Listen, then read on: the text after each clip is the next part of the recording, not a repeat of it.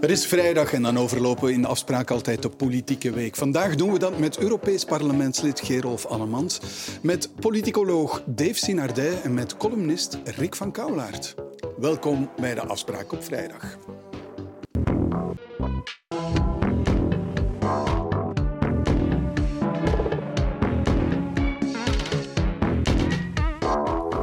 Goedenavond, Rick van Kouwlaert. Verrassing van de dag misschien toch wel. De Iraanse terrorist Assadi is ook nog eens geruild voor drie andere Europese gevangenen. Uh, twee Oostenrijkers en een Deen.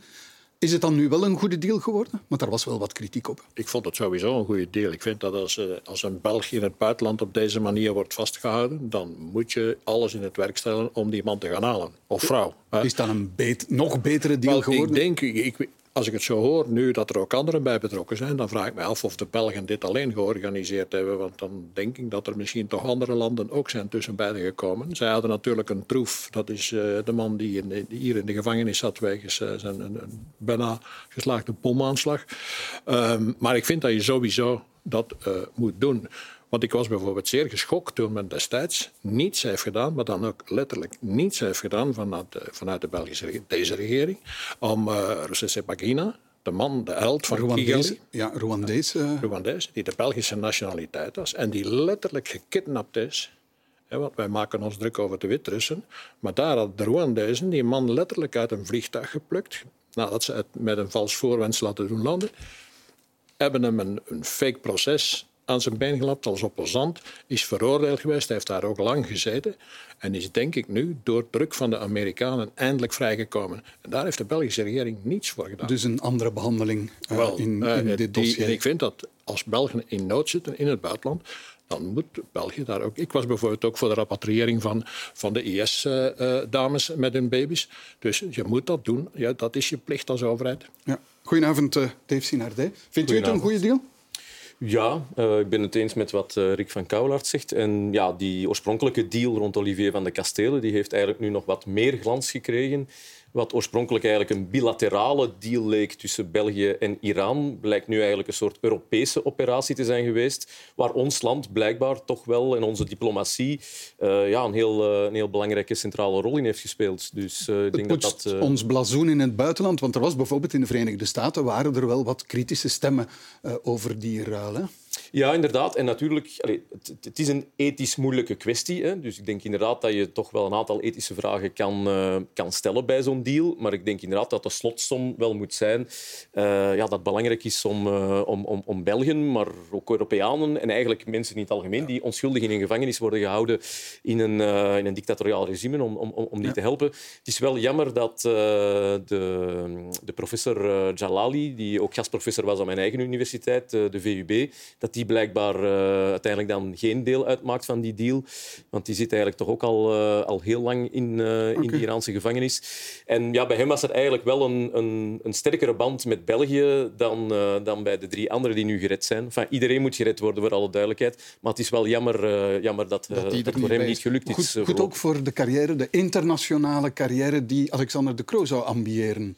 Ongetwijfeld uh, helpt dit wel, denk ik. Enfin, ik denk ook niet dat dit het, grote verschil gaat maken uh, in zijn eventuele zoektocht naar een, uh, naar een internationale positie.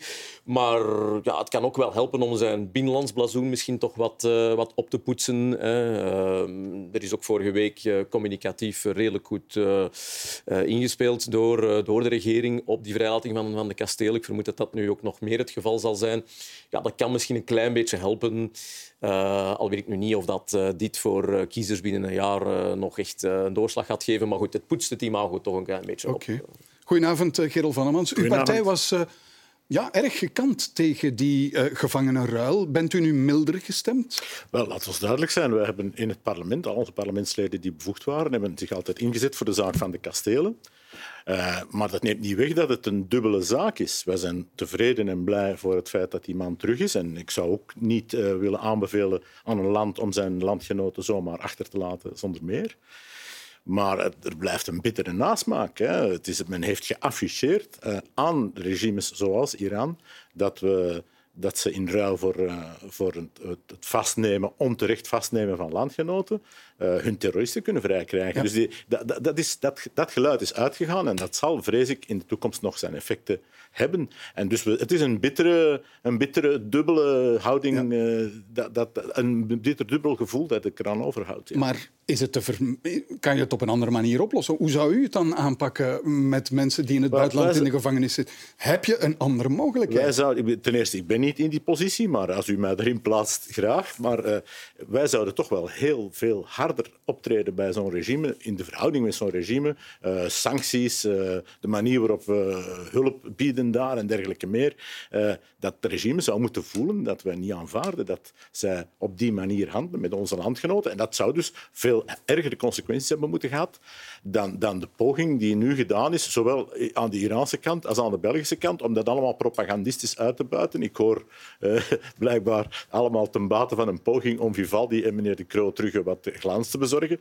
Maar dat, dat is toch een, het blijft een bittere zaak. Ja, maar u zou het risico kunnen nemen dat die persoon dan daardoor niet terug naar België kan komen. Zijn, alle inspanningen, daar ben ik het ook eens met uh, meneer Van Alle inspanningen. Alle dus inspanningen zijn noodzakelijk. Niets moet uitgesloten worden, maar een ruil uh, zoals er nu gebeurd is, dat is eigenlijk een, een vuile deal. Moeten we niet gewoon vermijden dat er nog uh, Belgen of Europeanen in Iran terechtkomen? Ik denk dat dat natuurlijk uh, misschien... Dat is een beleidskwestie. Dan, dat is een, ja, dat is een beleidskwestie die... Dan hoeft er ook niemand meer gevangen genomen nee, nee, te worden. Dat is een beleidskwestie hopelijk ook dat, Iran van de kasteel is komen ontvoeren in België. Nee, nee maar zijn eigen verantwoordelijkheid en dergelijke speelt allemaal mee. Maar dat is een beleidskwestie voor de toekomst. Maar zelfs over wat er nu gebeurd is, kunnen we toch uh, bitter zijn, omdat het uh, een vuile deal is. Goed, laten we dan eens kijken naar uh, andere actualiteit van ook vandaag. Arrest in de zaak Sandadia blijft natuurlijk voor ophef zorgen. Er zijn protestacties in verschillende steden tegen de rechterlijke uitspraak. De namen van de reuzengommers, als ik dat zo mag zeggen, worden bekendgemaakt op verschillende manieren. Onder meer in een filmpje van een populaire YouTuber Acid. En de afkeurende reacties op die ACID worden dan weer vergeleken met een heksenjacht. Ditmaal door de voorzitter van de CDMV, Sami Medi, in een filmpje op YouTube. Vijf mensen uit de reuze gaan kiezen. Een beetje info over hen, ga je verhaaltjes vertellen over hen, vertellen hoe dark ze zijn. Het Hof heeft geoordeeld dat de reuzegomleden die dood niet wilden, dat ze dit niet opzettelijk deden en dat er sprake is van schuldinzicht. En in die omstandigheden vinden wij het als VRT Nieuws niet nodig om hun identiteit kenbaar te maken. Die gasten hebben niet echt een straf gekregen en het feit dat die voor 400 euro wegkomen en dan wel ook een uh, werkstraf vind ik niet echt oké. En daarom zit ik hier ook gewoon om mijn spijt te betuigen en ook mijn hart is gebroken. Wat mensen zo verontwaardigd maakt, is dat het nu lijkt alsof er heel veel gebeurd is om ervoor te zorgen dat, dat die mannen toch maar geen echte zware, impactvolle straf hebben gehad. Wat ik denk van heel die reuzegom-affaire, is dat je mij een keer eens moet uitleggen hoe dat het komt dat er een heksenjacht wordt georganiseerd op ACID, terwijl hij eigenlijk niks anders doet dan wat dat de journalistiek iedere dag doet. Het is zeer kwalijk. Ja? Ja, hij voedt de complottheorieën. Mm hij, hij, zegt het niet met zoveel woorden, maar hij zegt eigenlijk het is klassejustitie, werkstrafjes. Er is ooit een periode geweest in de middeleeuwen waar politici recht spraken, waar ze via een volkstribunaal mensen veroordeelden. Mensen werden op een plein gebracht, er werden stenen gegooid. Dat plein vandaag, dat heet YouTube, dat heet TikTok. En de brandstapel wordt vandaag aangestoken door bepaalde politici. Ja, u zag natuurlijk dat het eh, filmpje van Sami Meri op TikTok was en niet op YouTube. Rick van Kouwelaert, um, wat vindt u van de verdediging van uh, Sami Medi, uh, van de YouTuber ik heb, daar, ik heb daar met enige verbijstering naar gekeken. Waarom? Ik het zag. Omdat, uh, één, daaruit blijkt ook dat de voorzitter eigenlijk dat van de partij dat dossier nauwelijks kent. En dat ook alleen maar wat mee heeft geflarden van het nieuws heeft meegenomen. maar om te beginnen zegt hij daar dat die, dat die, dat die YouTuber, Asset, dat die doet wat alle uh, media doen. Ja, dat is niet waar. Wat die man doet, is foute informatie de wereld insturen. Onder meer namen bekendmaken van mensen die duidelijk niks met de zaak hadden te maken. Die misschien wel lid waren van de reuzengommers, maar die bij die bewuste evenementen niet aanwezig waren. Ja, daar zijn nu ouders van die mensen die daar schade van ondervinden. Dat doet mij denken aan het begin van de uh, Dutroux-affaire. De Witte Mars? Nee, nee. Nog vroeger. Er was namelijk een, de, de naam Michel Nioulville. En de pers, toen heeft de pers de fout gemaakt. Meende dat dat de bekende Brusselse patissier Nioul was. Wel, die man is ondertussen failliet gegaan. Die zich daar nooit van hersteld. Er zijn in de, in de Dutroux-zaak tal van mensen aan de muur genageld. En daar zijn zelfmoorden geweest, dat is allemaal. En daar hebben wij met, met de pers wel aan meegewerkt. Dus we, het, ik zou zeggen, begin niet opnieuw. Dus hebben we nu letterlijk niets geleerd uit de hele Dutroux-zaak. Ja, meneer Sinardé, want de minister van Justitie, Vincent van Quickenborne, is wel streng. Hè? Hij noemt Sami Medi een politicus die de brandstapel aansteekt. Wat, wat denkt u? Ja, ik denk dat het sowieso niet slim is als uh, politici uh, commentaar gaan geven op uh, rechterlijke uitspraken. De bedoeling is toch dat we een scheiding der machten hebben in ons land. En ja, de wetgevende macht, de uitvoerende macht en de rechterlijke macht zouden, zouden onderscheiden moeten zijn. Ehm, nu, bon, Sami Medi is natuurlijk niet de eerste die meent kritiek te moeten geven op rechterlijke uitspraken. zowel Demir heeft dat ook al een aantal keren gedaan, onder meer rond de verkrachtingszaak in, in, in Antwerpen. En zij is dan officieel Vlaams minister van Justitie. Ook Bart de Wever heeft dat al gedaan, maar het is misschien verrassender omdat het uh, Sami Medi is, voorzitter van de CD&V, een partij waarvan je dat uh, minder zou verwachten, maar ook een partij blijkbaar waarvan de voorzitter ja, uh, de keuze heeft gemaakt om misschien ook iets meer, zoals bepaalde andere partijen die wat minder in het centrum zitten, ja. met, een, ja, met soms wat kort door de bocht communicatie te proberen de aandacht te trekken. Alleen ja, weet ik niet of dat, dat in zijn geval echt, echt goed gaat lukken. Nu, ten gronde allez, vind ik ook wel dat er wel een aantal vragen zijn die, maar ten gronde die, gaan we de discussie stellen. zo meteen. Laten we Ja. dat even van elkaar Ja. spitsen. Wat vond u bijvoorbeeld van de reactie van meneer Van Quickenborne? Die zegt, het is een politicus die de brandstapel aansteekt. Ja, Beoordeelt u Sami Medi ook op die manier? Ik denk dat Sami Medi een domme zet heeft gedaan en een beetje een graantje heeft willen meepakken van die influencer en zijn bekendheid. Eh, niet erg slim. Hoewel ik zelf iemand ben die geregeld kritiek heeft geuit op het justitiebeleid, onder meer, en zeker niet in de laatste plaats, eh, van meneer Van Quickenborne. Eh, en ook over bepaalde eh, slappe behandelingen door justitie van criminaliteitsfeiten. Ik heb zelf in, inderdaad in die Dutroux-commissie de grenzen ook aangegeven van wat wij als partij en als Vlaams Belang vinden dat er moet en kan gebeuren ten aanzien van een verstrenging van het strafrecht. Hè? En dus wij zijn dikwijls zeer ontevreden over de wijze waarop veel te licht gestraft wordt, veel te licht Dus- door, door ministers wordt omgesprongen met gevangenisstraffen Dus en u met begrip, enkelbanden. u hebt begrip voor wat Sami Medi zegt? Nee, ik, ik, wat ik zeg is, wij zijn niet eh eh, degenen die gaan zeggen dat er geen kritiek mag zijn op een justitiële uitspraak. Maar dat, dat neemt wel niet weg dat men moet accepteren wat er hier gebeurd is. En wat er in het algemeen gebeurt. Want ik heb zelf, ik heb zelf meegemaakt hoe een rechter mij om politieke redenen mijn partij onmogelijk maakte. Ik heb toen mijn commentaar gegeven. We hebben dat nooit erkend als een legitieme uitspraak, maar we hebben ze wel aanvaard. Onze partij is verboden, we hebben een andere partij moeten oprichten, dus wij functioneren in die rechtsstaat. En dat moet natuurlijk Sami Medi ook doen. Maar dat neemt niet weg dat men in de vrijheid van meningsuiting en in een samenleving als de onze kritiek moet kunnen hebben op het slecht functioneren van justitie. Dat En wel. dat doet Sami Medi volgens u? Wel, eh, Sami Medi doet eigenlijk iets anders. Ik heb dat in het begin gezegd. Hij, hij- hij wil wat aandacht eh, en wil meesurfen op, eh, op eh, de influencerscultuur waar we in zitten. Maar hij krijgt wel bijval, hè? In- bijvoorbeeld Ja, maar- op sociale media. ja, ik laat het allemaal aan hem over. Ik, ik beoordeel hem en ik denk dat hij een domme zet heeft gedaan. Ja, maar, maar die bijval, dat, dat, dat impressioneert mij niet. Want herinnert u, en er is een advocaat die hier in, in, de- in, in, in de afspraak eraan herinnerd heeft. hè, 300.000 man op de straat omwille van het eh, spaghetti-arrest. Terwijl een spaghetti-arrest was een correct arrest. Ja. Ja. Dus, eh, Komt zijn dat- positie in het gedrang, denkt u? wel, ik denk dat hij dit soort grappen toch eh, binnen die partij, CD&V, niet te veel moet herhalen. Want toch niet vergeten, die partij heeft wel wel een pak ministers van Justitie geleverd. ik, dacht, ik denk dat eh, een telefoontje naar, naar, naar meneer Koen Geens misschien toch wel beter was geweest voor een hij dergelijk, eh, een dergelijk optreden eh, begon.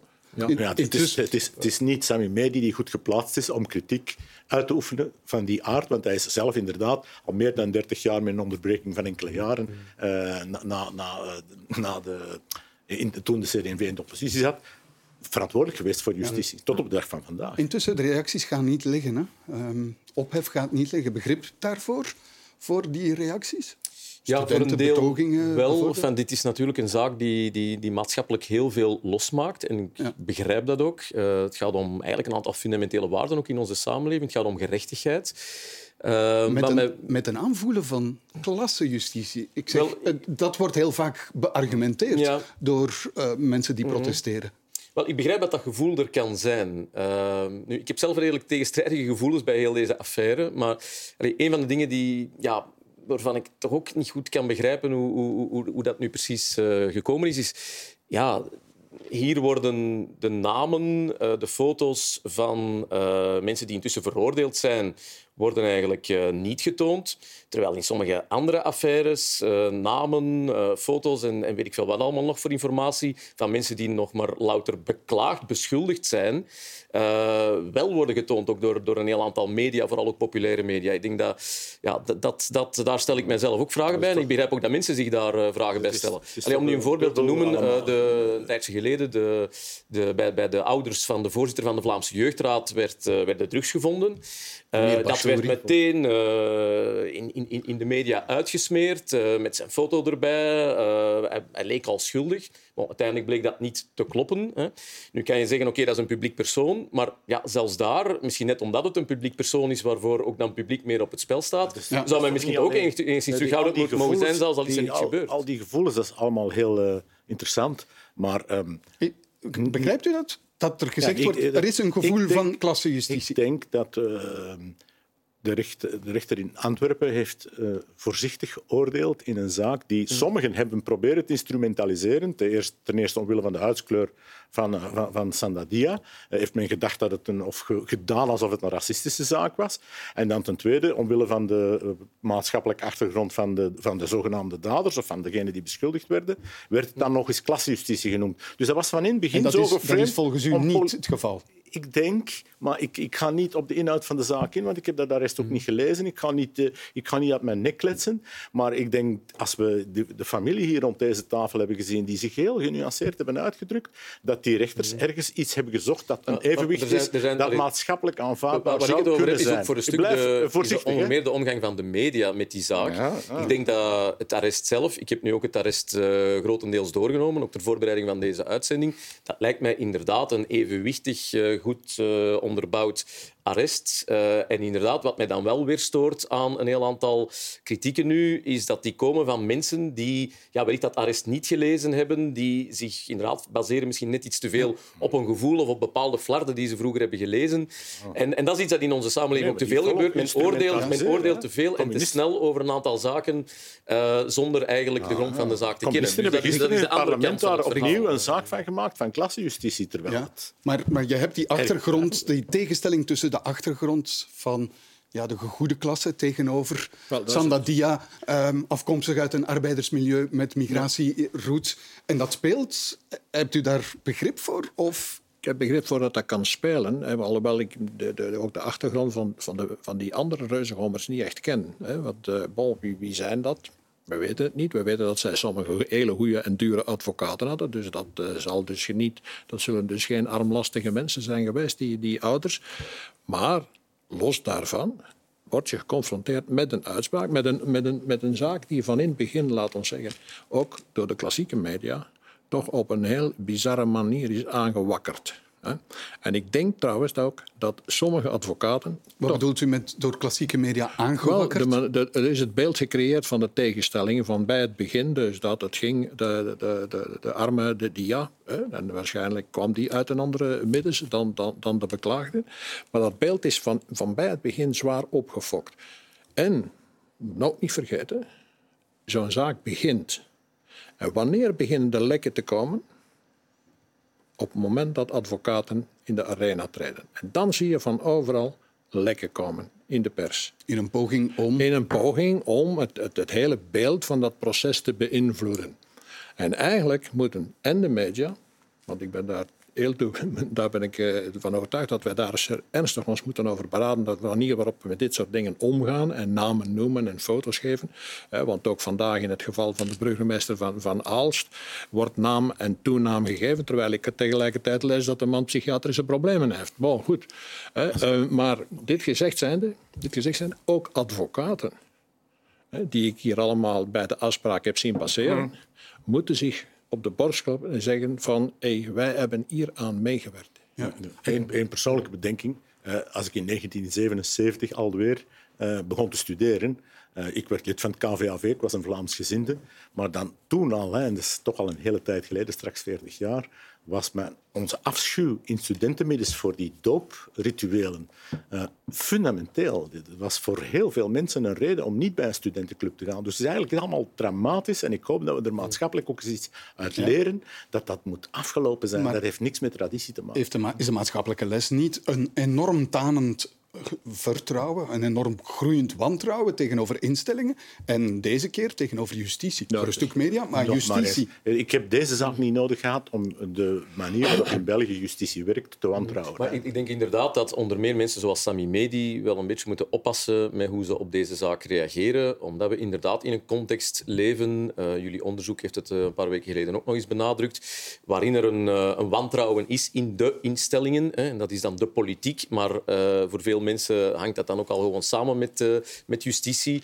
Eh, dus, dus ik denk dat daar inderdaad in ieder mee, mee dom moet dat hij reageert terwijl hij eigenlijk mede verantwoordelijk is voor al wat justitie de afgelopen Wel 30 ja, jaar dat geweest je is. En nog is tot op de dag van En vandaag. hij is Sami Medi. hè? Ah, Hij is Sami Medi. Maar Als, ik denk als dat- CD&V-voorzitter, hij, is- hij zit in de coalitie. Ja, het, het Eh, eh, vertrouwen van justitie is al langer ondermijnd. Als jij in Brussel moet wachten gedurende acht jaar op je beroep in een proces, dan kan ik je verzekeren, als je een kleine middenstander bent en je, hebt, eh, je, je, je bent, je bent verongelijkt, dat je dan zegt, jongens, wat is dat hier? Acht jaar wachten op je, op je proces. Hè? Ondertussen lopen de kosten wel op. Hè? De, toegang, de toegang tot het gerecht ook, is, is, de drempel is, is zwaar verhoogd geweest. Maar lange wachttijden is, is één ding, ik ben ik ben het er volledig mee eens. Natuurlijk, iets anders is dan echt eh, ja, de objectiviteit, eh, de onpartijdigheid van justitie Ja, maar ook daar, in, heeft in daar, heeft, stellen. daar heeft die betrokkenen al meteen de, de, de indruk dat hij niet bejegend wordt zoals het hoort. Ja. Oké, goed. Laten we naar een eh, ander onderwerp gaan. Want de Partij Vlaams Belang die hield afgelopen maandag in Brussel een grote meeting met als titel Doe ze luisteren. En die meeting was ook het eindpunt van een wandeltocht van haar voorzitter, Tom van Grieken. En die stapte van Oostende naar Brussel. Maar eerst naar het centrum van Brussel. Daar heeft Vlaams Belang een protestmanifestatie gehouden. De politie telde zo'n 1500 manifestanten. Volgens de partij zelf waren het er een kleine 3000. Met de actie trapt het Vlaams Belang de verkiezingscampagne voor volgend jaar echt op gang. Wanneer er de mogelijkheid zou zijn dat het Vlaams Belang met één partner, dus met twee, een Vlaamse regering zou kunnen vormen, dan gaat je veel van je programma kunnen realiseren. En dan denk ik dat ik met de mensen, onze achterban, recht in de ogen kan kijken. En tegelijk trokken er ook minstens 500 tegenbetogers door Brussel. Ik vrees voor het gevaar voor de democratie. We hebben dat met Trump gezien in eh, de Verenigde Staten, Bolsonaro in Brazilië. En ik denk dat we daar met Vlaams Belang, eh, die het cordon sanitair nu al heel lang willen doorbreken, dat we op een gevaarlijk moment zitten, ook in de geschiedenis van ons land. Ja, meneer Annemans, tevreden over de opkomst? Ja hoor, wij waren eh, zeer opgetogen. Wij waren eerst sceptisch als Tom van Grieken met dat initiatief kwam. Eh, maar ja, de hele, de hele visie van wij gaan naar Brussel en we gaan ze doen luisteren, dat is toch prachtig Ja, waarom geslaagd. was u sceptisch? Omdat men altijd eh, eh, de straat op eh, gaat. eh, in Brussel dan nog, in het centrum. eh, gaan we wat toelating krijgen, geen toelating. Hij heeft doorgezet en het is een groot succes geworden. Ja. Eh, mooi weer, vrije dag en toch maar tussen de 1500 en de 3000 mensen afhankelijk van de bron. Ja. Ik denk dat, eh, dat ze bij Vlaams Belang heel dankbaar waren dat meneer Kloze eh, de zaak verboden heeft, zodoende dat ze dan toch weer konden naar de Raad van State trekken en toch weer toelating krijgen. En, zo, en dubbel blij waren. Ik, ik vrees zelfs, ik, ik vermoed zelfs, dat ze Sven Gats betaald hebben. Om, om, om ze uitschot te noemen, of wat was het nu weer? Sven Gats is goedkoop. Gespuist, pardon. Eh, ik denk, ze, ze hebben een enorme meeval gehad. Maar ik, ik was we, zullen we destijds... meteen ik even, kijken wat Sven Gats... Zullen we Ja. meteen erbij, omdat ik je was destijds, dat wil ik er nog aan toevoegen, ik was destijds meer onder de indruk van die bijeenkomst op een zondagochtend in de, op de IJssel. Ja. Waar op ja, zeer tuurlijk. korte tijd... Dat was een andere context. Ja, maar op een zeer korte van tijd... Ja, maar het, op een zeer korte tijd is daar een enorm aantal mensen gemobiliseerd. 4500 auto's. Ja, ja. ja, ja maar dat was maar een andere context. dit Dat was het met- ontstaan van Vivaldi. Ja. Dit is iets, een start van de campagne Ja. die komt voor volgend jaar. Laat ons zeggen dat het wij toch- waren zeer is- tevreden. Sorry. als het te Is de context dan nu zoveel anders? Vivaldi... Ja, maar nu zit iedereen te tellen met een vergrootglas. Ten eerste, wij hebben veel meer mensen geteld. Wij denken dat de telling van de politie gebaseerd is op de, trein, op de autobussen, terwijl ze de treinen gewoon vergeten zijn. Dus wij hebben wel degelijk tussen de 2 en de 3000 mensen geteld. Maar dat was ook niet wat, wat, wat- wat een dwaze redenering. Nee, nee. De kern van de boodschap is, wij hebben in het centrum van Brussel, dat is denk ik 30 of 35 jaar geleden, dat er nog eens een Vlaamse betoging met zoveel Vlaamse eh affiches en met zoveel eh, voor de tegenstander eh, zeer ergerlijke ehm, eh, ja, naar buiten treden. Je zult toch toegeven dat als, als het de bedoeling was van een, een mars op Brussel, zoals destijds Nee, een, maar een van- mars op Rome, woord Mars op Brussel, dan is het ja, toch, ja, maar- dan is het Ja, toch maar een mager 100.000 beestje. man, dat was weer iets anders. Nu als je de jaren 60 bij. Nee, nee. Zullen we- Laat, laat ons de zaken helder houden. Een, part- een politieke partij met een politieke boodschap, rond haar voorzitter geconcentreerd, met als uh, veruitwendiging wij willen naar Brussel gaan om ze daar te doen luisteren, want Vivaldi luistert niet naar jullie. Ja, dat is wel een groot succes geweest. Zullen we de u, gaat ons, onze tevredenheid niet afpakken. Misschien, echt toch, misschien toch eerst even zeggen. Enfin, ik denk dat je dit toch echt geen succes kan noemen. Zeker niet als je rekening houdt met het feit dat meneer Kloos inderdaad heel veel moeite heeft gedaan om extra reclame te maken voor de manifestatie van Vlaams Belang. En als je weet dat er meer dan 100.000 euro aan, eh, aan geld is uitgegeven aan advertenties op sociale media om daar reclame voor te maken, ja, dan denk ik dat je dat toch een, eh, een flop kan Zullen doen. we, want we hebben, hem, we hebben hem nu al een paar keren vermeld. Zullen we de Oh, tweet... Want er is ook heel veel, bijna meer ophef rond een tweet van een Brusselse minister, Sven Gats, eh, geweest. We halen er hem nog eens bij. Ik zal hem nog eens voorlezen. Beste gespuis, ge zijt hier niet wel gekomen. Brussel is alles wat gij niet zijt. Deze stad is vrij, open en de van de wereld. Gaat elders vendel zwaaien en de stampij maken. Je hebt hier niets verloren. Keer punt naar punt uw dorp. Punt. Ja. Ja, Dus Ja. dat is toch een bewijs dat we Dat geërgerd laatste, hebben. dat laatste is natuurlijk... Dat, laatste, Dat is een oude FDF-slogan. Ja, ja. maar het, wat, wat, wat ik daar geestig aan vind, geestig in de zin van... Geestrijk. eh, dat, dat het komt van meneer Gats, die destijds bij de VU is begonnen. Toen bij de VU, maar- en u zult dat weten, er nog Oostfrontstrijders in oud-Oostfrontstrijders rond de tafel zaten. In het hè. Dus blijkbaar is hij een, is hij een serieuze bekeerling geweest, eh, meneer Gats. Dus, De, maar- de nee, VLD nee, is maar- sowieso altijd een, een partij die u Belgiciseert. Hè. Dat is even, eh, zelfs als je Ja, uit de vond afkomstig waart. in hè. zijn geval een beetje Maar- misplaatst maar- dat uitgerekend zowel dat Kloze, zowel Kloze als, als Gats hebben eigenlijk, eigenlijk geïllustreerd dat, dat een, een, een, in het hart van het regime, daar op die plaats, eh, zo'n manifestatie creëren, dat dat pijn doet voor de tegenstander. En dat is wat ons eh, zo blij maakt. Akkoord met die Ondanks eh, wat uh, Goh, ik, Het doet pijn. Ja, bij sommigen eh, waarschijnlijk wel, maar ehm, ja, denk dan toch inderdaad dat men het een beetje, een beetje groter maakt dan het is, zoals ik daarnet al zei.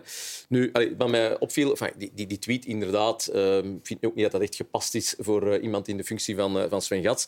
Anderzijds vond ik het ook wel frappant dat eh, een- ja, nog maar een uur nadat hij die tweet had geplaatst, dat ongeveer al heel het Vlaamse commentariaat zijn, zijn afschuw daarover dan ook op zijn beurt had Terecht, getweet. Terecht. Eh, op zich Terecht. niet onterecht, maar tegelijkertijd denk je ook van ja, er zijn misschien nog net iets ergere dingen in de wereld die gebeuren om op te reageren dan een tweet van een Brusselse begrotingsminister op een eh Pinkstermaandag. Enfin, dat zegt ook wel iets over, eh, ja, over, over hoe eh, op die manier kritiek hebben op een partij dan, dan direct wordt, wordt, wordt, wordt ja, ook, ook, ook op zijn beurt wordt aangevallen. Nu, opnieuw, ik vind, allee, ik vind inderdaad dat woordgebruik is natuurlijk niet, niet gepast. En inderdaad, de verwijzing naar de FDF-slogan is eigenlijk ook wel, wel heel bizar. Hè. Oké. Ehm, opkomst relatief, zullen we het zo maar eh, zeggen. Maar Doe- de peilingen, maar u wil- u- de peilingen, onze vreugde niet bederven. de peilingen zijn goed, eh, meneer Annemans. Ehm, is het nu het momentum... En dan verwijs ik natuurlijk naar de titel van een boek dat u eh, recent hebt geschreven. Wat bedoelt u daarmee, het momentum? Wel, ehm, we staan voor een belangrijk moment, ogenblik sowieso, eh, maar een ogenblik waarvan ik denk dat het een momentum kan zijn om weer een nieuwe stap te zetten in de richting van die uiteindelijke Vlaamse onafhankelijkheid. Dus een derde deel van een, eh, een, een, een trilogie, zal ik maar zeggen, over de ordelijke opdeling van België. Ja? En wat is het momentum dan? Wel, eh, we staan voor, eh, 2000, in 2024 staan we voor een, een, een uniek ogenblik waarop de Franstalige financiën, dat zijn de financiën van alle Franstalige instellingen, en ik heb die analyse in dat boek uitvoerig gemaakt, uh, desastreus zijn. En de Franstaligen staan meer dan ooit met de handen open en op de knieën al dan, al dan niet, uh, om geld te krijgen. Hè. Als ik, even, ik, heb er, ik heb de cijfers nog eens even bijgehaald. Ik zal heel kort zijn, maak u niet ongerust. De Franse gemeenschap staat voor 11 miljard schuld op dit ogenblik. Moody's heeft gezegd uh, heeft de rating naar beneden gehaald, een kredietbeoordelaar. Dan het Waalse gewest heeft de laatste drie jaar 646 procent schuld bijgemaakt. Uh, ze hebben het niet meer in de hand. En Belfius, de huisbank van het Waalsgewest, heeft gezegd vanaf 2024 gaan wij het Waalsgewest niet meer financieren. En dan het Brussels hoofdzedelijk gewest. Inderdaad, meneer Gats, minister van Financiën daar. Hè. Uh, acht, nee, 9,5 miljard in 2021. Alleen God de Vader weet of het, wat het ondertussen al is aan schuldsituatie. En uh, de, de, de, waar, de schuld-inkomensratio is daar 275 procent. Waar hoopt, dus u dan op, waar, waar hoopt u dan op met, met die cijfers? Wat dat... denkt u dat de Franstaligen dan met deze achtergrond zullen doen? De Franstaligen gaan natuurlijk proberen om op een klassieke manier de Vlaamse politici zo gek te krijgen van opnieuw een Belgische regering te vormen die een deel van die schulden overneemt. Nu, wat doet zich voor? Ook de federale regering heeft geen geld meer. Hè? Dus we hebben een 33 miljard afgeklokt. Mm -hmm. dan, moest, dan moest de kroon nog mevrouw De Bleker opzij zetten, want anders okay, was het 35 maar, maar tot geweest. wat leidt dat? Want dat is de analyse, daar zijn we het ja, allemaal over eens. Ja, dat, maar ik denk, wat is dat momentum? Mijn pleit, tot wat mijn, leidt dat? Mijn pleidooi is dat mijn pleidooi in dat boek dat ik momentum noem, mijn pleidooi is dat de Vlamingen zich bewust moeten worden dat nu doorstoten. En die bewustwording kan snel komen. We hebben dat gezien met BHV, we hebben dat eigenlijk gezien met de rakettencrisis dus... in de laatste regering Martens. Op enkele maanden tijd kan dat bewustzijn bij Vlaanderen sterk maar worden. Maar doorstoten, wat betekent dat doorstoten. dan? Geen regering meer vormen? Zolang... In ieder geval uh, moeten we uh, een Vlaamse regering hebben. Dat is de inzet voor ons als Vlaams Belang. Een Vlaamse regering hebben waar wij zelf toe behoren. Als we de grootste zijn, kunnen we die ook op poten zetten. En dat is, de, dat is ons aanbod aan de kiezer. En die Vlaamse regering moet een rol gaan spelen naar het Belgische niveau toe. Om langzaam maar zeker heel dat België te gaan afbouwen. En, en hoe? Onderhandelingen met die Franstaligen met het mes op de keel? Ja, tenminste eh, in heel andere omstandigheden dan nu, waar Magnet laat weten uh, ik wil zelfs met de Wever niet over zijn confederalisme spreken, terwijl wij eigenlijk confederalisme maar, maar waar het dan geen de manier is om, om geld te geven aan, aan de Franstaligen nee, in ruil voor autonomie. Nee, want, want nee. hoe gaat u dat concreet doen? Blijkbaar. Wel, dat, dat beschrijf ik uitvoerig en, en stap voor stap in, in, in dat boek. Ik ben van oordeel, u hebt de, de andere boeken ook misschien gelezen, en dit zeker. Uh, ik, ik, analyseer dat we binnen het kader van het, van het internationaal recht op een rustige manier en op een onderhandelde manier kunnen afscheid nemen van die Belgische staat. En dat we daarbij ons niet marginaliseren, dat dat een realistisch plan is. En dat is mijn enige uh, vrees toen ik die boeken begon te schrijven, was de radicalen zullen mij terugfluiten als een nee, gek. Maar, terwijl dus ik u, alleen zegt, maar wil we, we, tonen we roepen, dat het een plan is dat kan gevolgd worden. We roepen de onafhankelijkheid uit en de Franstaligen gaan daar volledig mee akkoord gaan op basis van de druk Natuurlijk niet, ze gaan niet volledig akkoord gaan. Wij, die onafhankelijkheid is onze voorwaarde, uh, waarin dat we de toekomst nog bekijken. En dan gaan we onderhandelen over het verleden, maar niet meer over de toekomst. Dat is het grote verschil met het Belgische En dan bent u bereid om een deel van die put te delgen? Ik denk, dat Vlaanderen, ik denk dat Vlaanderen in een onderhandelde oplossing deze put zou kunnen op enkele jaren tijd overbruggen. Maar dat is niet de openingszet die ik doe, natuurlijk. Hè. Nee, nee. We, moeten, uh, we moeten al niet met de fanfare uh, voorop uh, op jacht gaan. We moeten onze eigen beslissing over onze eigen toekomst durven nemen. En dat op een onderhandelde manier, ja, die want, internationaal aanvaard is. Want u maakt die analyse ook heel vaak. Ja. Franstalige instellingen hebben financiële problemen. Ziet u hetzelfde momentum? Ja, maar daar denk ik dat, dat, dat dat Vlaams Belang zijn, zijn achterban gaat teleurstellen.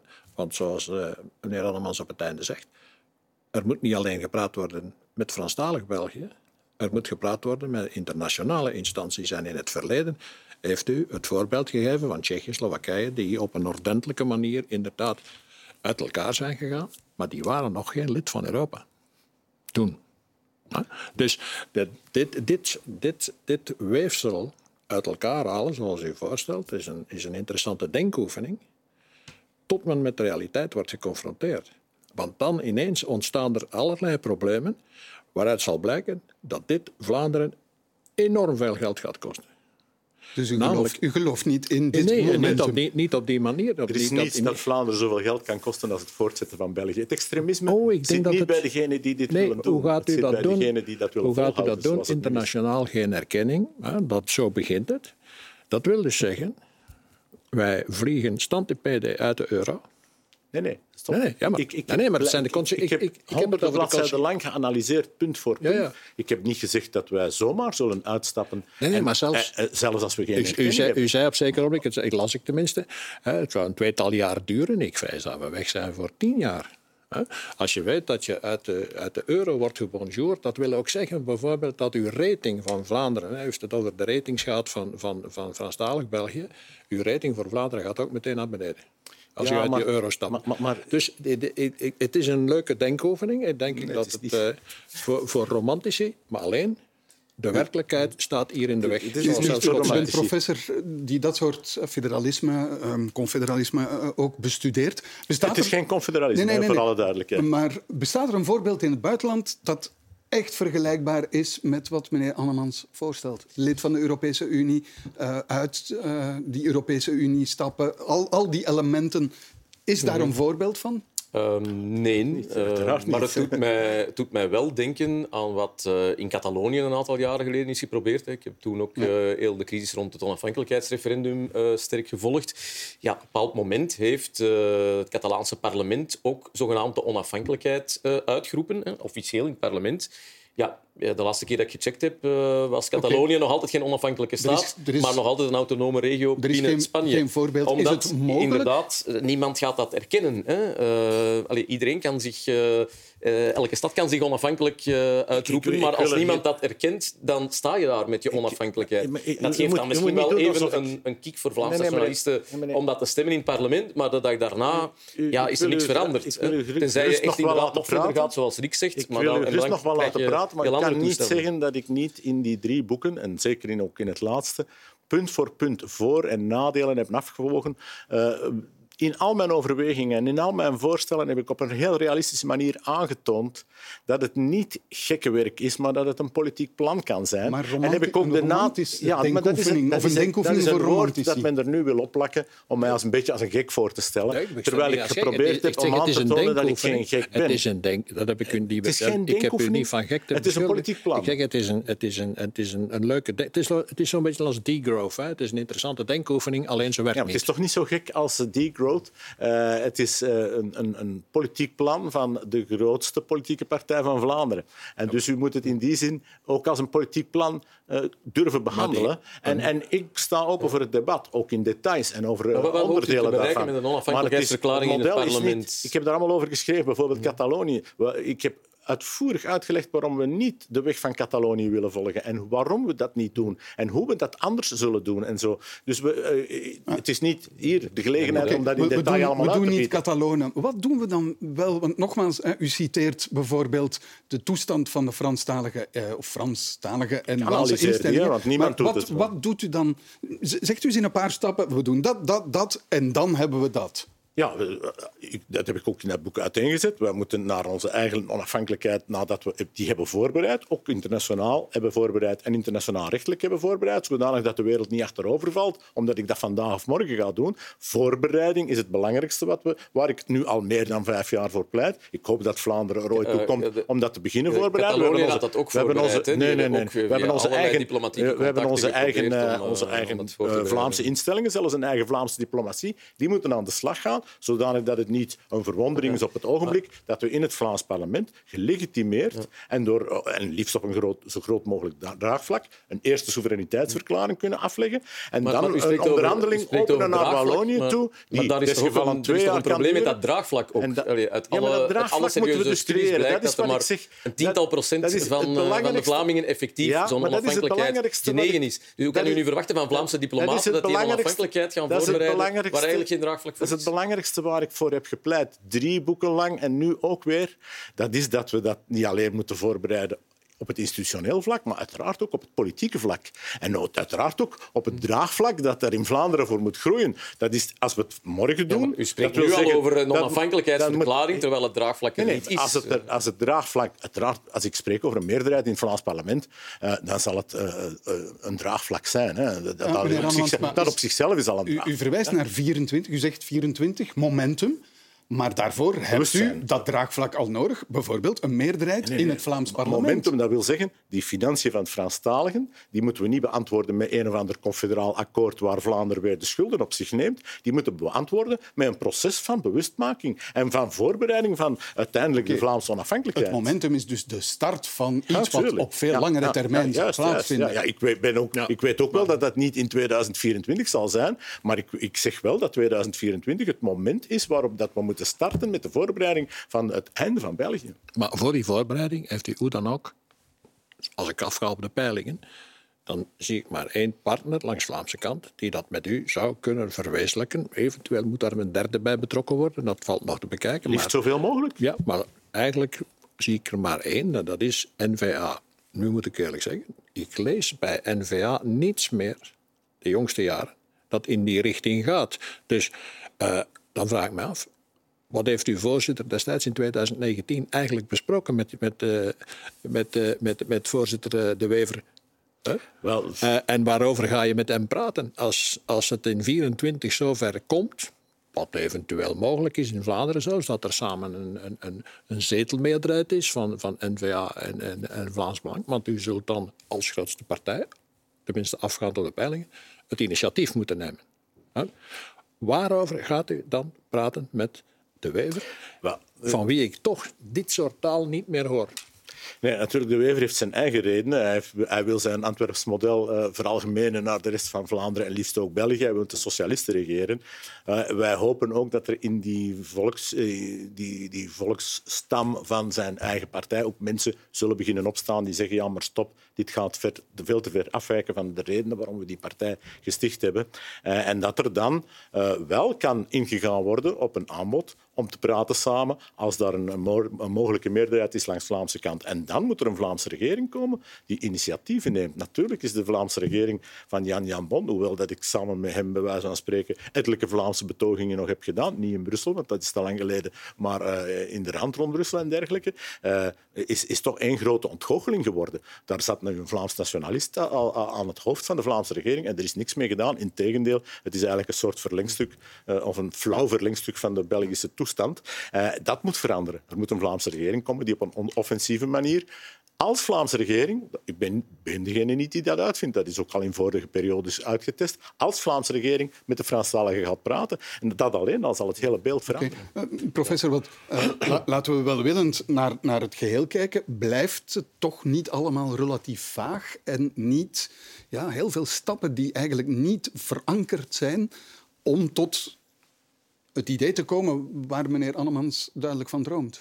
Ja, het blijft inderdaad vaag. Uh, ook dat laatste, een Vlaamse regering die gaat onderhandelen. Uh, zo werkt het niet in België. Alle staatshervormingen die zijn door partijvoorzitters onderhandeld, uh, die over een tweederde ja, meerderheid beschikken ja, ja. in de Kamer en in de Senaat. en over een zaak, meerderheid in elke taalgroep. En, en zo, zo voorziet de grondwet het ook. België je, kan proberen, je kan proberen daar, laat me nu ook even uitspreken, Mm, je kan proberen daar, daar dan buiten te gaan stappen met onafhankelijkheidsverklaringen en dergelijke. Maar als dat inderdaad niet grondwettelijk is, niet in overeenstemming is met de Belgische grondwet, ja, dan gaat geen enkel ander Europees land uh, dat erkennen. Hè. En zoals ik al zei, dan sta je daar. Uh, en wat de financiën van de, ja, van de Franstalige deelregering, als ik ze zo mag noemen, betreft, uh, die is inderdaad uh, allesbehalve rooskleurig. tegelijkertijd is de vraag... Allee, vroeger was dan de deal van oké, okay, Vlamingen krijgen weer wat extra bevoegdheden, Franstaligen krijgen weer extra wat geld. Maar er is geen geld meer. Hè. Zeker federaal, waarvan het dan vroeger kwam, dat is er niet meer. Ja, dan moet dat eventueel al van, uh, van Vlaanderen gaan komen. Uh, dus ik hoor u toch eigenlijk zeggen van goed, we gaan uh, in ruil voor die onafhankelijkheid, autonomie, toch een heel pak geld meer geven aan Franstaligen. Wat een beetje haak staat op het discours over het feit dat er nu al te veel transfers zijn. Stop, stop. U, ja, maar gaat, dat u gaat niet zeggen wat ik gezegd heb. Dat is de enige conclusie nee, nee, die ik kan nee. trekken. En dat geldt ik, trouwens als ook ik, als voor ik een deal tussen NVA en PS geldt hetzelfde verhaal. Als ik aan de Belgicist Sinardet een conclusie mag trekken daar in zijn plaats. Ja, het, het extremisme... Het zijn, het zijn Vlaams nationalisten die, die, die niet-nationalisten meestal het ook extremisme, uh, het extremisme, nationalisme het extremisme, zogenaamd extremisme, uh, of de, de, zogenaamde dromerigheid waarmee ik die voorstellen doe, uh, die zitten niet aan mijn kant. Mm. ik denk dat het voortzetten van België in de huidige toestand die ik er net heb geschetst, of een poging om dat te doen, dat dat niet meer realistisch is. Dat het onrealistisch is om te doen alsof we op deze manier mm. kunnen verder gaan. En dat ieder pleidooi om te zeggen dat we realistisch Belgisch moeten blijven, dat dat het echte onrealistische scenario is. Ja. Vlaanderen moet hieruit weg op een of andere manier. En iemand mag mij zeggen hoe het moet, maar ik heb al gezegd hoe ik denk dat het is. Het is ook, het is ook niet zo dat uh, elke, uh, iemand die niet Vlaams nationalist is, dan een ander nationalisme zou aanhangen. Ik sta no, no, redelijk kritisch no, tegenover elk nationalisme, voor alle duidelijkheid. Er is één zaak die alleszins zal moeten gebeuren. In 24, na 24, na de verkiezingen. Dat is dat inderdaad die twee gemeenschappen met elkaar gaan praten, niet meer via de, want de, grondwet, de grondwet verbiedt niet dat de Vlaamse regering gaat praten met de, met de Waalse en met de Brusselse. Dat is, dat is perfect mogelijk. De, de, de, trouwens, voor de grondwet bestaan de, bestaan de voorzitters van de maar partijen niet. gebeuren.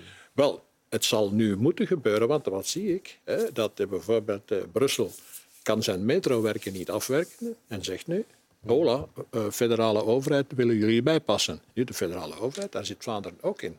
Mm.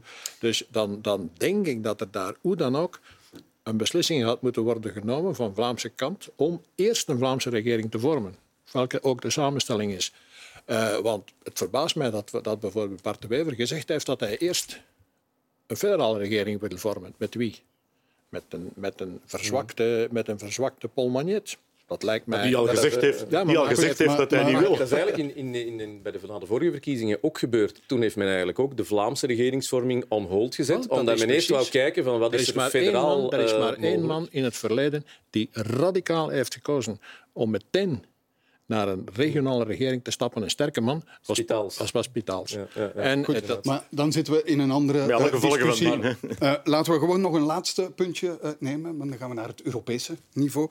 Want het Europese parlement heeft zijn vertrouwen opgezegd in Hongarije. Nog maar eens. Een resolutie van het parlement bekritiseert het gebrek aan respect voor de rechtsstaat in Hongarije. En het parlement wil zelfs dat Hongarije geen voorzitter wordt van de Unie, zoals nogthans is voorzien voor de tweede helft van 2024.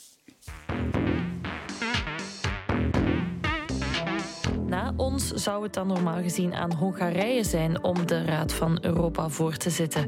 Maar sommige Europarlementsleden die willen dat dus tegenhouden. Er ligt daarover vandaag een eh, resolutie ter stemming in het Europees Parlement. Het belangrijkste is dat de lidstaten zich realiseren hoe serieus de situatie is. Um, te meer omdat uh, Orbán al heeft aangegeven het voorzitterschap ook te willen gebruiken om actief zijn eigen agenda uh, door te drukken. Uh, and then what we expect from Hungary is neutrality and impartiality. Regarding the presidency of Hungary, I think it is also a chance that Hungary can show and have to show uh, that it is pro-European and that it will bring things forward for the European Union and not in their own interests. It is essential for the well-being of the whole European Union that, uh, that, that Hungary takes these concerns seriously.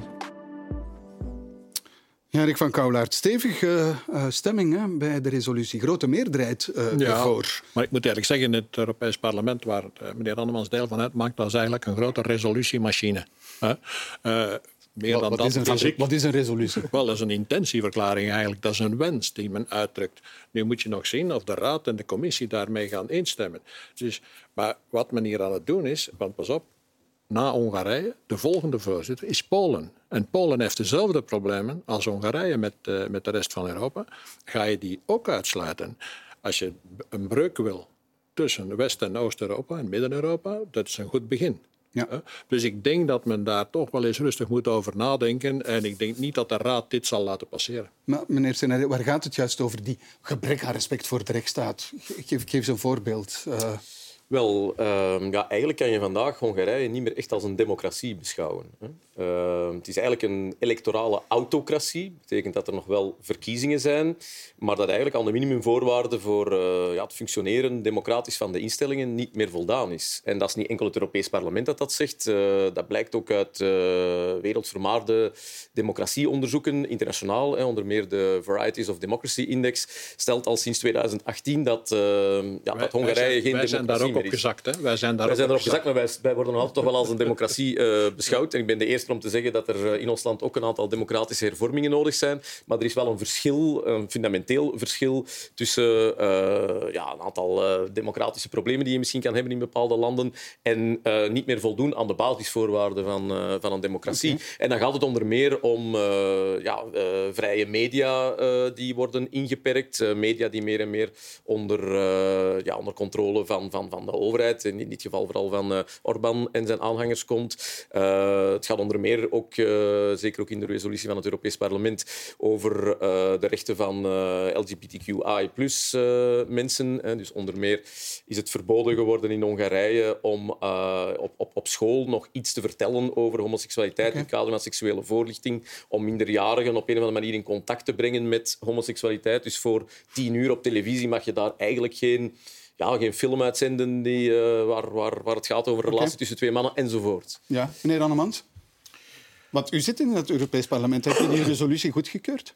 Nee, ik was een van de drie Vlamingen die eh, tegengestemd hebben, Hebt u dan, namelijk de drie hebt u Vlaamse dan geen problemen met eh, de rechtsstaat in, Wel, eh, en de heb- democratie in Hongarije? Ik heb eh, problemen vooral met de manier waarop de Europese Unie langzaam maar zeker geëvolueerd is naar een gecentraliseerd eh, lichaam dat eh, een maatschappijmodel wil opleggen aan zijn lidstaten. hè. Men heeft het artikel 2 gemaakt van het eh, Lissabon-verdrag, dat eigenlijk de vervanging was van de, van de weggestemde grondwet. Eh, en men heeft dus gedaan alsof die Europese Unie een, een staat is die maatschappijmodellen mag, op basis van dat artikel 2, bepaalde waardepatronen mag afdwingen van de lidstaten. Oké, maar dat gaat over is de Europese Unie. Maar Dat is een Europese Unie die ik niet aanvaard. Dat snap ik. Maar Voor hebt u dan was- geen problemen met de staat Hongarije Wel, zoals die op dit moment functioneert? Ik geef, ik geef een voorbeeld en we laten het even zien. Op dit moment zit u voorzitter in Hongarije en heeft er vanmiddag ook gesproken Ja, ja, ik- met, met Viktor Orbán.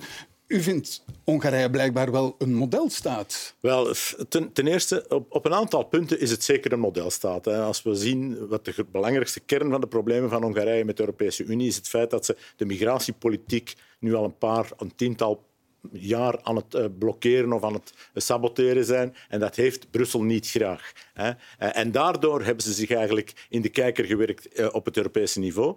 Eh, En dus eh, niet alleen... eh, Dus dat bindt u aan, ja, aan eh, Orbán. eh, Nee, dat bindt mij niet aan Orbán. Orbán is wat dat betreft iemand die eh, zijn gang mag gaan in Hongarije. Voor de rest ben ik, geen, eh, ben ik niet verantwoordelijk voor het beleid van Orbán. Voor de rest ben ik iemand die ook kritiek op Orbán kan verdragen. Ik ben geen onverdraagzaam persoon. Maar wat wel zo is, is dat ik niet vind dat Brussel moet uitleggen wat Hongarije of wat Hongaren moeten willen. Die, die man heeft twee derde van alle parlementszetels. Dan kun je nog twisten hoe hij eraan geraakt is. Maar het is zeker dat hij een meerderheid van de Hongaren vertegenwoordigt. En dat is hier in Vlaanderen voor geen enkele partij, zelfs voor het Vlaams Belang, nog altijd niet het geval. Dus je moet ook een beetje voorzichtig omgaan met die lokale democratie. Wat je zegt klopt ook niet. In de laatste verkiezingen heeft hij 54 procent gehaald. Ja. Door een Welke kieshervorming die hij zelf heeft geregeld, heeft hem dat meer dan twee derde van de ja, ja, dat is een zetels andere kwestie. opgeleverd. En, maar maar Eh, is, is dat wat u betwist? Is u dat, eh, be- betwist u ook zijn eigen eh, constitutionele orde of wat? Nee, nee, nee. Nee, Natuurlijk maar u niet. zegt, hij Die man- vertegenwoordigt de meerderheid van de... ja, van de Hongaren. De- de- de- ik denk niet dat ik dat moet... Ja, hij heeft twee derde van de zetels. Ja, ja, en hij heeft anders. meer dan een meerderheid van de Hongaren. Iets wat hier zelfs in de tijd van de CVP nooit het geval geweest is. Dus dat is een partij die gelegitimeerd is door het Hongaarse volk om te doen wat de Hongaren willen. En dat moet in de Europese Unie kunnen blijven. Europese samenwerking moet een vrije samenwerking van vrije lidstaten zijn die zelf hun eigen lot nog mogen bepalen. En het is niet een of andere Nederlandse minister die moet gaan zeggen aan de Hongaren hoe zij moeten leven. Goed, andere visie op de Europese Unie. Ook de N-VA heeft zich onthouden. Hè? Eh, Trouwens, Ja, daar ja, zit ook ja, een ja, ja. verschil in, in visie ten opzichte van hoe die Europese Unie moet functioneren. Wel, het is natuurlijk een- duidelijk een probleem dat een aantal landen en partijen het, last hebben met het, ja, het, het, het, het, het, het, het verbrokkelen van de soevereiniteit richting Europa. Europa eist meer en meer op en wordt daarbij gesteund door een Europees Hof van Justitie dat eh, als een soort motor werkt voor de integratie. En daar beginnen sommige van die landen, want het gaat hier niet alleen om Hongarije en, en Polen, want Polen is ook in een nieuw conflict gewikkeld in verband met een commissie die men daar wil oprichten om de Russische invloed op de, de werking van, van, van de instellingen en de verkiezingen in Polen na te trekken, terwijl men vermoedt dat dat eigenlijk tegen Tusk is gericht. Maar men zit, je voelt nu al dat Europa daar met een, met een moeilijkheid en, zit. En de- ga je naar, zal ik het maar een nieuw ijzeren gordijn eh, noemen, Dat is namelijk een, kloof tussen een- Oost en West? dat- ik denk dat een ijzeren gordijn, eh, eh, dit zal het zeker niet worden. Maar je gaat wel voelen dat daar een, een serieuze breuk ontstaat, politiek, tussen, die, tussen Midden-Europa, Oost-Europa en, en, en het En die, die was er al een tijd. En die was er al, want herinner u nog, eh, Chirac destijds, eh, die ooit tegen de Poolse vertegenwoordiger, tegen zijn Poolse evenknie zei, toen hij een opmerking maakte, zei hij tegen de Polen dat ze een gelegenheid hadden gemist om te zwijgen in het gezelschap van grote, van grote landen. Dat is de manier waarop, die, de stiefmoederlijke manier waarop men al die landen behandeld heeft. Natuurlijk, Oekraïne heeft een en ander veranderd. En je voelt nu zelfs, ook vanuit de commissie, vanuit de raad, dat men heel voorzichtig is geworden in de, in de behandeling van deze omwille van de positie van- van Polen is, tegenover Polen is een, is een landingsplatform voor, voor, het, voor de Amerikaanse toevoer van wapens. Ja, meneer Sinardij, komt er iets van een resolutie? Vaak niet, hè? Eh, nee, ik denk inderdaad dat eh, lidstaten eh, niet echt van plan zijn om een nieuw uh, Robert te te gaan vechten met, eh met Orbán. Dus ik denk dat dat Europese voorzitterschap van Hongarije, dat trouwens nadat van ons land komt, dat dat wellicht wel zal doorgaan. Maar er zijn nog wel andere manieren voor het Europees Parlement om toch te proberen een beetje de, ja, de glans van dat, van dat voorzitterschap wat, wat weg te nemen. Het parlement heeft daar toch een aantal dingen ook in te zeggen. Dus ik vermoed dat er toch nog wel, ja, dat dat toch wel heel wat commotie zal veroorzaken. Bovendien op een, eh, allee, op een gevoelig moment natuurlijk, waar er ook eh, net Europese verkiezingen zijn geweest en eh, er een nieuwe commissie moet samengesteld worden en, enzovoort. Goed, dat is het einde van deze afspraak op vrijdag. En daarmee is weer een politieke week netjes neergelegd. En zoals altijd dank ik mijn gasten voor de deskundige hulp daarbij. Gerolf Annemans, Dave Sinardij en Rick van Kouwelaert. En u, dames en heren, dank dat u er weer bij was. Tot volgende week.